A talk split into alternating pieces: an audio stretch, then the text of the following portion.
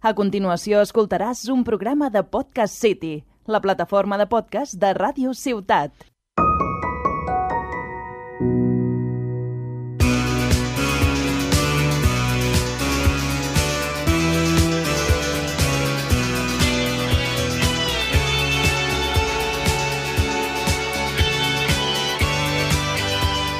Benvinguts a un nou programa de podcast Parlem del Nàstic. Avui parlarem del partit contra l'Algesires, club de futbol, i farem la prèvia pel pròxim partit al nou estadi davant l'Atlètic Balears.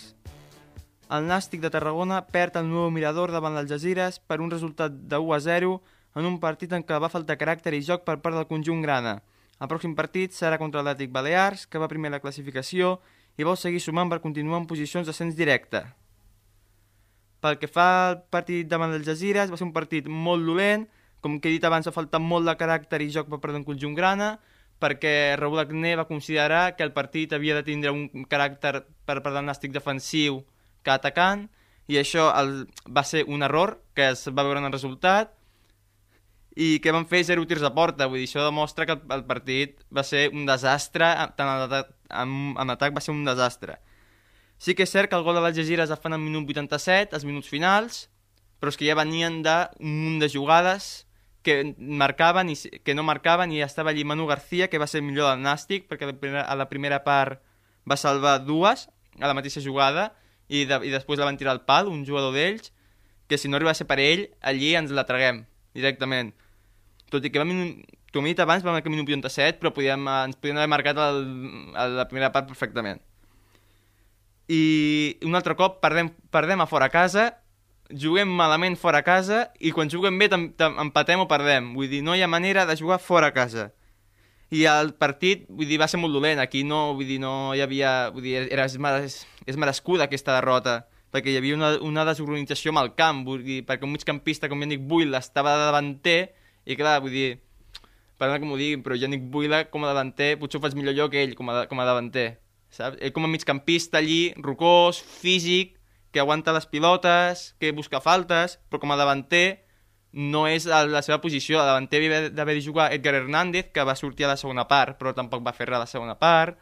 Frank Carbia, ho segueixo dient, titular no m'agrada, m'agrada suplent. Li tinc molt apreci i molt de carinyo Frank Carbia, però com a suplent, no com a titular. Mm, va sorprendre molt la no convocació de Pedro Martín, que sembla que tingui algun rol carner, que s'hagi embarallat o alguna perquè no, ara, vull dir, ara no l'han ni convocat. I quan està convocat juga els últims 10 minuts o ni juga. Es diu que és per problemes musculars d'un entrenament de dijous. Però això sona una mica a milonga. Sona que aquí el mercat d'hivern, que ara ja, ja s'aproxima, el, el més possible és que el venguin o el club el vulgui, el vulgui buscar un... O sigui, el vulgui fora del club perquè no juga el que hauria de jugar. I per estar cobrant el que està cobrant, i si, vull dir, no, és, un, és un absurd tindre'l el, ni convocat. Per tant, si fos per mi, si no juga titular ni va convocat, el vendria. Ho sento molt per ell, però no està, donant el, el, no està donant el rendiment que tothom voldria. Per tant, a veure, a veure què fa al final. M'han expulsat Itami Artiles, segon partit consecutiu fora casa que ens, expulta, que ens expulsen a un jugador l'altre va ser San Fernando, que van expulsar un García, que va ser clara, i ho va fer vell en aquella ocasió, però Itami Artiles, un jugador que té la seva talla, que ha jugat a primera, a segona amb les palmes, no pot forçar aquella segona groga tan innecessària barallant-se amb, el, amb la banqueta de les Jazires.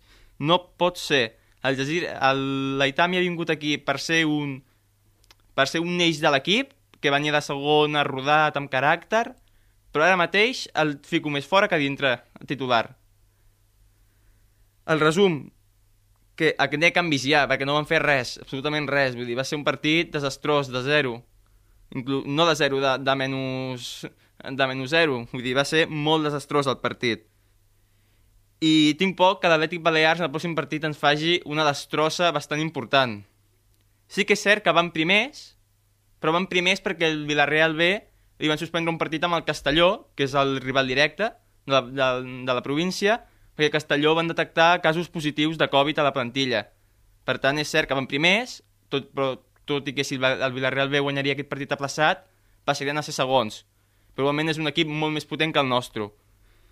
El partit serà diumenge 28 de novembre a les 4 de la tarda. En un principi estava a les, estava a les 5 de la tarda, però per motius de la Real Federació ho han tingut que canviar, ho han tingut que avançar una hora abans, per tant serà a les 4, una hora bastant podríem dir escarosa, eh, l'hora, perquè si ho fiques a les 4 ho has de ficar a les 5, vull dir, no pot ser a les 4, vull dir, és, no, és, vull dir, molt, és una tonteria ficar-ho a les 4. Un Atlètic Balears entrenat per Xavi Calm, que va vindre l'any passat per intentar rescatar l'equip, i el, ho va fer, passa que va decepcionar l'any passat, el Balears. Com, he- com he dit abans, està primer amb 26 punts, el Nàstic té 18, té 19, perdó, i serà un partit molt difícil, com he dit abans, i a priori és el, serà el millor visitant com a plantilla que visita el nou estadi, perquè no plantilla amb jugadors destacats com Dioni, que és el seu màxim golejador, Vinicius Tanque, que és el brasiler, que és la seva dupla, i com he dit, Dioni i Vinicius Tanque fan una dupla bastant espectacular, porten un munt de gols, és un equip molt golejador, i després la seva companya Hugo Rodríguez, que va sonar molt pel Nàstic aquest any, i finalment no ha vingut, s'ha anat a un rival directe, a priori directe, que és l'Atlètic Balears, i ho està fent molt bé.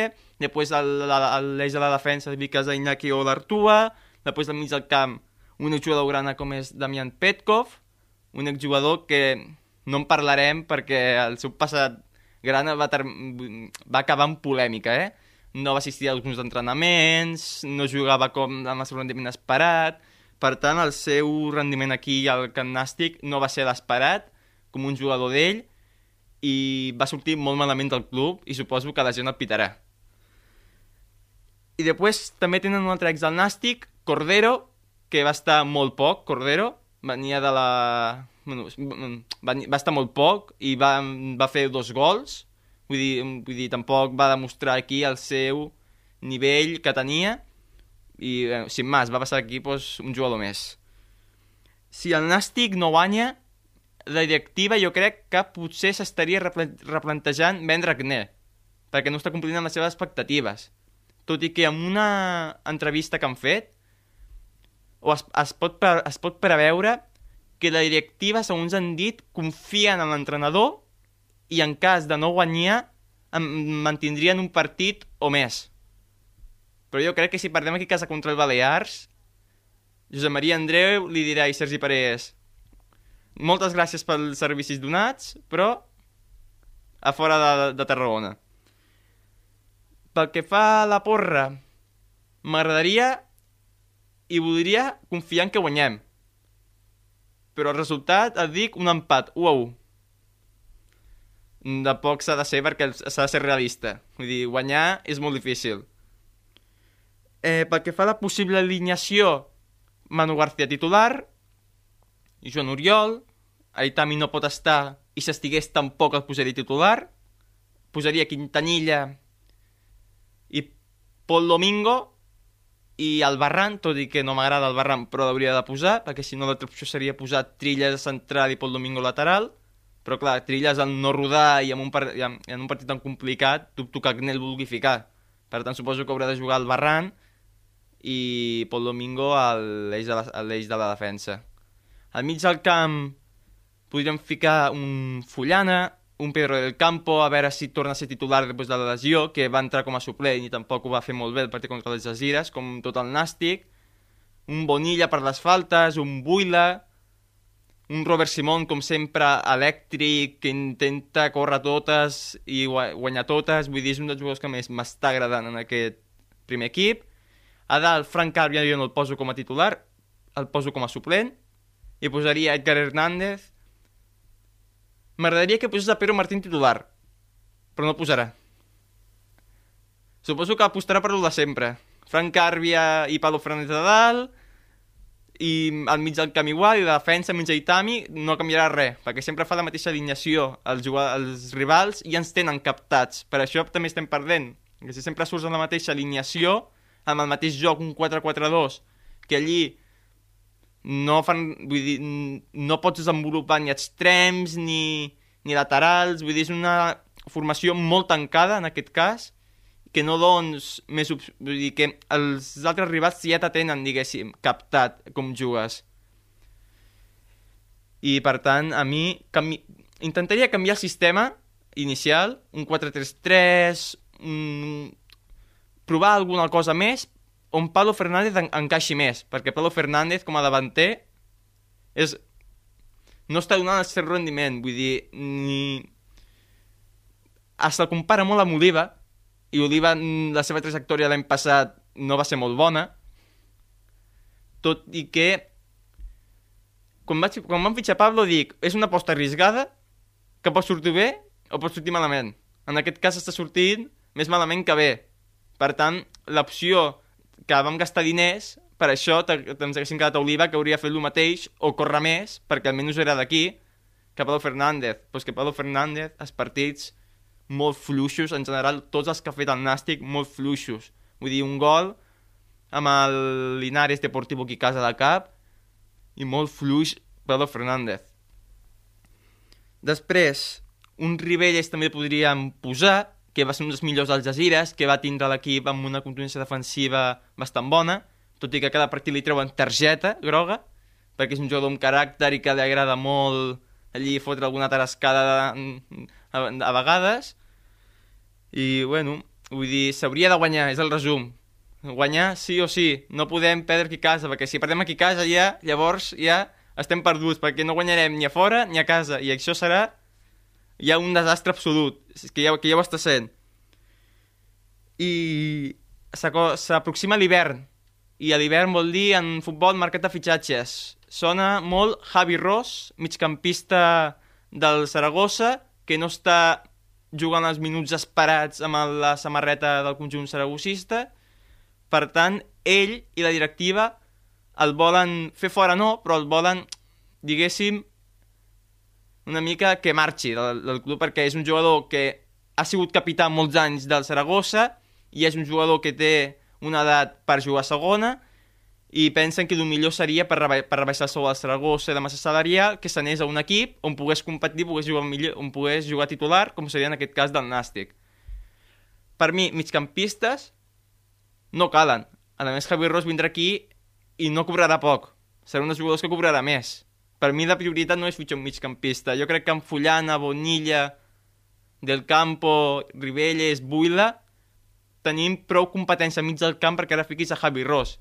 Llavors, hi haurà algun que no jugarà. Pugui ser Fullana, pugui ser Del Campo o puguin ser els altres. Per tant, apostaria més per un davanter centre que marqui gols en cas de que se'n marxi Pedro Martín Clar, si, si ve Pedro Martín, no fitxaries un altre davanter, perquè seria molt, molt absurd fitxar un altre davanter i tindre Frank Carbia, Edgar Pablo, Pedro i un altre davanter.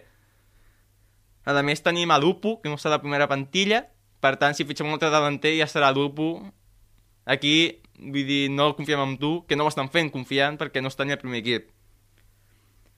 Els jugadors menys utilitzats per Raúl Acné són Karim El Coucha, que encara no ha debutat, i, i tant Òscar Sanz, que dos venen de la Pobla i no han debutat, i em pregunto, si els jugadors que tu tens com preferits per jugar no estan donant rendiment, per què no proves a Òscar Sanz o Karim El Coucha, que potser tenen ganes per estar al primer equip, corren, lluiten i potser gol?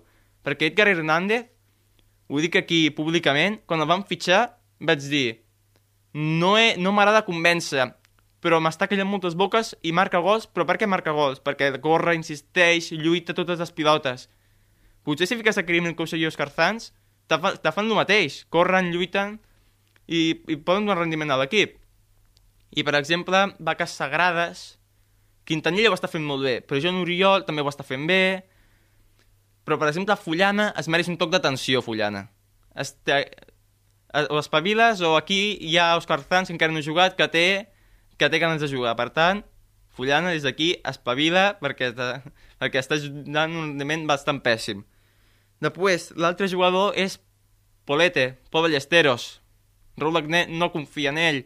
Vull dir, és un jugador que a mi m'agrada perquè desequilibra, té regat, té un 1 contra 1, però és que només ha jugat 20 minuts al camp de San Fernando i és, vull dir, si jo fos Pol, Ballesteros marxaria, vull dir, sincerament.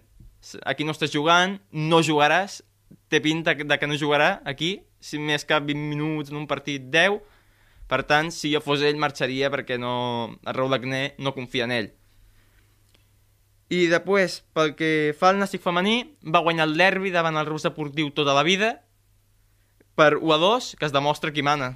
A, a, aquí a la província de Tarragona. Tarragona, la capital.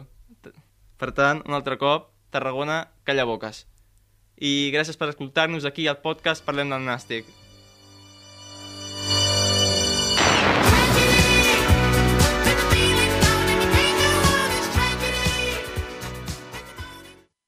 Has escoltat un programa de Podcast City, la plataforma de podcast de Ràdio Ciutat.